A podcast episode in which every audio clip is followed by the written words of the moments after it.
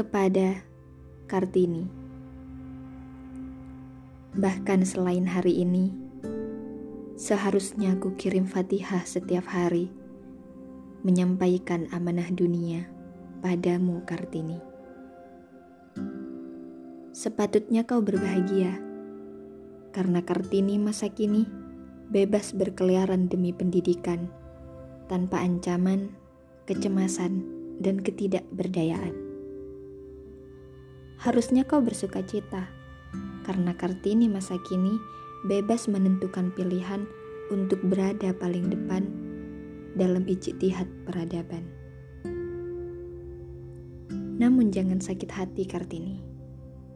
Bila Kartini masa kini hanya berpendidikan tinggi, tapi belum kaya hati.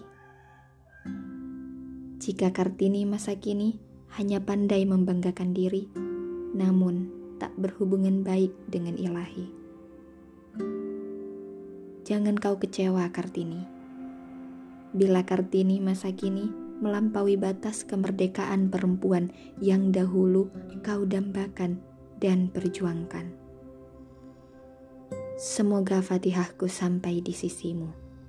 Paling tidak sebagai penawar kegelisahan atau membantumu mengadukan gaduhnya kenyataan pada Tuhan. Pamekasan 21 April 2019